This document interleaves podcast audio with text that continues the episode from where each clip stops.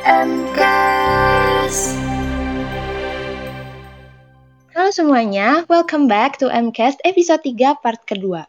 Sebelumnya, aku harap teman-teman udah dengerin part pertama ya, supaya nggak ketinggalan sama topik bahasannya.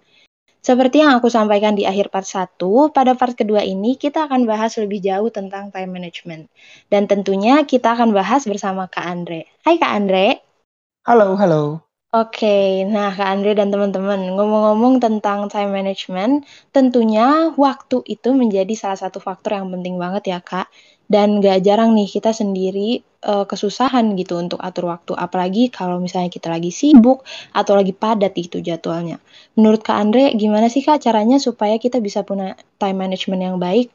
Dan mungkin boleh juga share tips-tipsnya nih Kak. Silakan Kak. Boleh banget, boleh banget. I think it's a, a general topic yang uh, setiap orang uh, sering dengar mungkin, tapi prakteknya susah.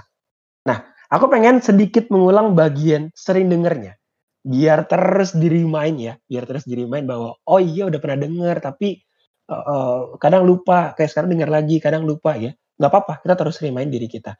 Yang paling penting dari time management adalah kita tahu apa yang harus kita kerjakan. Ya dong.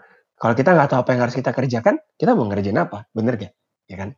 Nah, untuk kita tahu apa yang harus kita kerjakan, hal paling sederhana yang bisa kita lakukan adalah melakukan refleksi diri, kemudian mempersiapkan pekerjaan untuk esok hari atau untuk hari ini. Ya, untuk esok hari kalau dilakukannya malam hari sebelumnya. Untuk hari ini kalau dilakukannya pagi-pagi. Jadi tergantung kita nyamannya melakukannya pas kapan. Ngapain tuh waktu kita mikir itu, waktu kita refleksi diri itu ngapain? Ya kita pikir by the end of the day apa aja sih yang harus sudah dikerjakan? Apa aja sih yang urgent dan important? Sehingga kalau nggak dikerjain hari itu, bakal ada banyak masalah yang muncul. Baik itu buat diri kita sendiri, ataupun buat orang lain. Nah, penting itu untuk di list. Kadang-kadang kita suka lupa untuk tidak melakukan list itu. Kita cuman pengen let it flow aja. Mana yang kepikiran kita kerjain. Dan karena hal itu juga kita suka lupa bagian-bagian yang penting. Padahal cukup spend waktu maybe 5 to 10 minutes untuk bikin list itu. Ya, ada survei dan riset yang mengatakan bahwa ketika kita punya list dan kita checklist listnya kita, kita tuh sebenarnya lagi mendorong diri kita untuk lebih rajin lagi. Kita jadi lebih puas. Eh, satu dari sepuluh selesai, dua dari sepuluh selesai, tiga dari sepuluh selesai. Tiba-tiba sepuluh dari sepuluh selesai. Karena ketika kita cek satu, cek dua, cek tiga, ada energi baru yang diberikan. Seolah-olah tuh badan kita memproduksi satu, aku nggak tahu ya bahasanya, hormon apa gitu ya, yang mendorong kita untuk jadi lebih excited. Oke, pengen kerjain kedua, ketiga, keempat, kelima. Eh, lupa makan siang. Oke, makan dulu. Keenam, ketujuh, ke delapan. Sampai by the end of the day, selesai tuh 10-10 listnya. Karena ada 10 list yang harus dikerjain. Nah, jadi penting untuk punya checklist karena salah satunya adalah it give excitement when you check something on your checklist. I think dua hal ini yang jadi sesuatu yang mungkin teman-teman sering dengar tapi teman-teman jarang lakukan. So my suggestion, don't just know about it tapi do about it. Karena it helps you untuk menjadi lebih produktif. Weh, anak sekarang kan produktif gitu ya. The other thing yang aku juga baru dengar nih dari salah satu teman aku gitu ya. Um, mungkin ini ekstrim pandangannya, tapi I guess uh, it gives something new buat kalian. Live like you will dead tomorrow. Heh, gimana tuh kok maksudnya? Bayangkan ya kalau misalkan kita adalah orang yang didiagnosis sebuah penyakit. Oke, kamu punya waktu hanya tinggal satu tahun. Menurut kalian, kehidupan seperti apa yang akan dijalankan oleh orang tersebut. Ya, mungkin salah satu film yang sekarang lagi terkenal gitu ya, buat teman-teman nonton Netflix, ada film yang judulnya 39. Ya, teman-teman mungkin pecinta drakor uh, familiar dengan film ini. Di sana ada salah satu tokoh yang juga didiagnosis kanker. Hidupnya tinggal 6 bulan if not mistaken. So the choice yang diambil adalah dia harus make sure 6 bulan itu dia bisa melakukan segala sesuatu dengan maksimal. So, she will never waste one day di dalam hidupnya dia. Dia akan make sure bahwa dalam sehari gue bisa produktif, gue bisa menghasilkan sesuatu, gue bisa make sure gue happy, dan gue tidak ada penyesalan ketika gue nanti harus meninggal. Ya ini ekstrim. Tapi ketika aku dengar dari temanku, it makes sense. Kalau kita live like we will that tomorrow, kita akan dorong diri kita untuk maksimal hari itu. Nah, mungkin konsep date-nya harus kita ganti. Konsep date harus kita ganti. Kita berubah.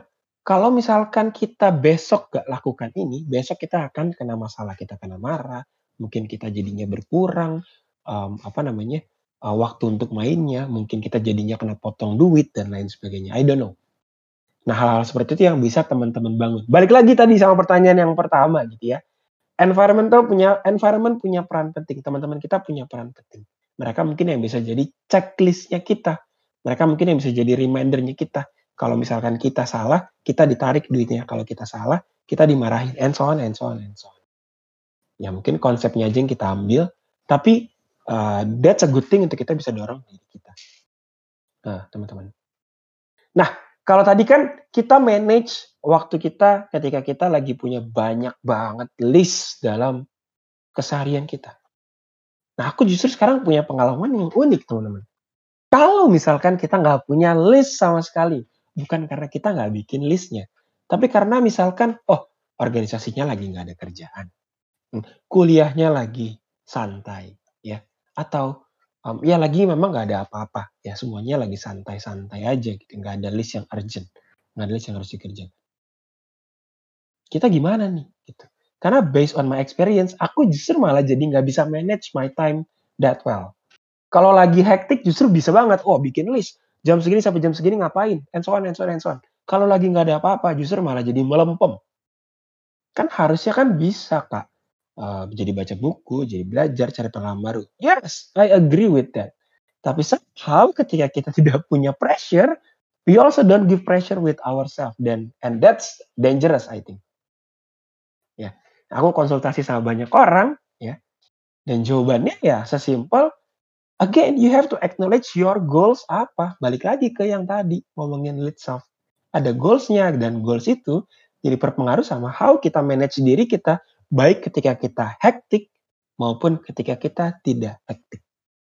Karena ternyata kalau kita nggak hektik sama bahayanya. Kita bisa waste our time tanpa tahu tiba-tiba udah ganti hari, tiba-tiba udah lewat sebulan. Apa yang kamu lakukan sebulan? Nothing. Just watch Netflix. Nah, Nah, I I think itu yang jadinya bahaya, teman-teman ya. Dan itu yang perlu untuk kita uh, untuk kita bisa sesuaikan. So, time management as simple as make a checklist. Tapi untuk kita bisa make a checklist, balik lagi, we need goals. We need friends, we need environment yang mendukung kita. Ya, we need to make it as a habit. Untuk kita bisa make it as a habit, kita harus lakukan hal itu terus-menerus. Ya, teman-teman harus ingat salah satu konsep bahwa increase satu persen setiap hari secara konsisten akan jauh lebih baik daripada increase 20% cuma sekali dalam satu tahun. Why? Karena ketika kita konsisten melakukan itu satu persen, tanpa disangka-sangka dalam setahun, kita sudah mengalami peningkatan lebih dari 100%. Mungkin 25 kali lipat lebih daripada kondisi kita sekarang. Nah, kalau kita ngelakuinnya 20% doang tapi cuma satu kali, ya maybe habis 20% seminggu kemudian kita lupa sama kayak belajar. Belajar banyak, tapi seminggu kemudian kita lupa. Gak ada yang kita ingat.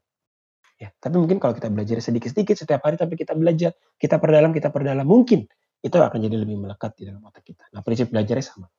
Untuk bisa jadi habit, lakukan secara konsisten, gak usah ekstrim, pelan-pelan aja cukup ada peningkatan satu persen sehari, satu persen sehari, satu persen sehari. Kalau kemarin gue bikin checklistnya cuma tiga, sekarang gue bikin lima. Kalau kemarin gue cuma bisa ngabisin waktu dua menit, sekarang gue tiga menit. Kalau kemarin gue cuma bisa checklist tiga, sekarang gue harus checklist empat, checklist lima, checklist enam, checklist tujuh, and so on, and so on, and so on. Sampai akhirnya kita jadi sebuah habit dan akhirnya tanpa terasa waktu kita 24 jam ternyata kita pakai dengan sangat-sangat sangat-sangat baik. Kurang lebih kayak gitu.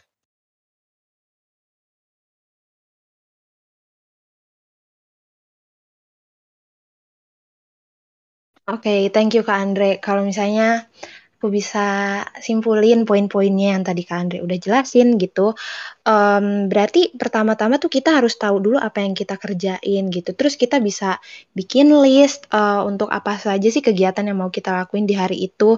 Terus bisa pikirin juga dampaknya apa sih kalau misalnya kita, mengabaikan list itu atau hal-hal hal-hal di dalam list itu kita nggak lakuin gitu. Kalau misalnya uh, lagi padat banget, lagi sibuk banget, kita bisa pakai kesibukan itu untuk jadi dorongan juga buat diri kita. Kemudian kayak di part yang pertama, kita juga bisa atur atau kontrol lingkungan kita supaya uh, jadi lingkungan yang baik juga yang bisa mendorong kita ke arah yang lebih baik terus hal-hal yang tadi udah disebutin juga itu bisa dilakukan berulang-ulang supaya bisa jadi habit yang baik oke okay, mungkin masih uh, ada nih teman-teman yang punya kesulitan tersendiri untuk atur waktu ya. Dan semoga insight dari Kak Andre ini bisa membantu kita semua supaya bisa memperbaiki atau mempertahankan time management kita. Tapi episode ketiga ini belum selesai nih teman-teman. Kalau misalnya dua part pertama kita bahas soal manajemen, di part ketiga nanti kita akan bahas topik baru yang pastinya nggak kalah menarik. Penasaran? Stay tuned ya. See you!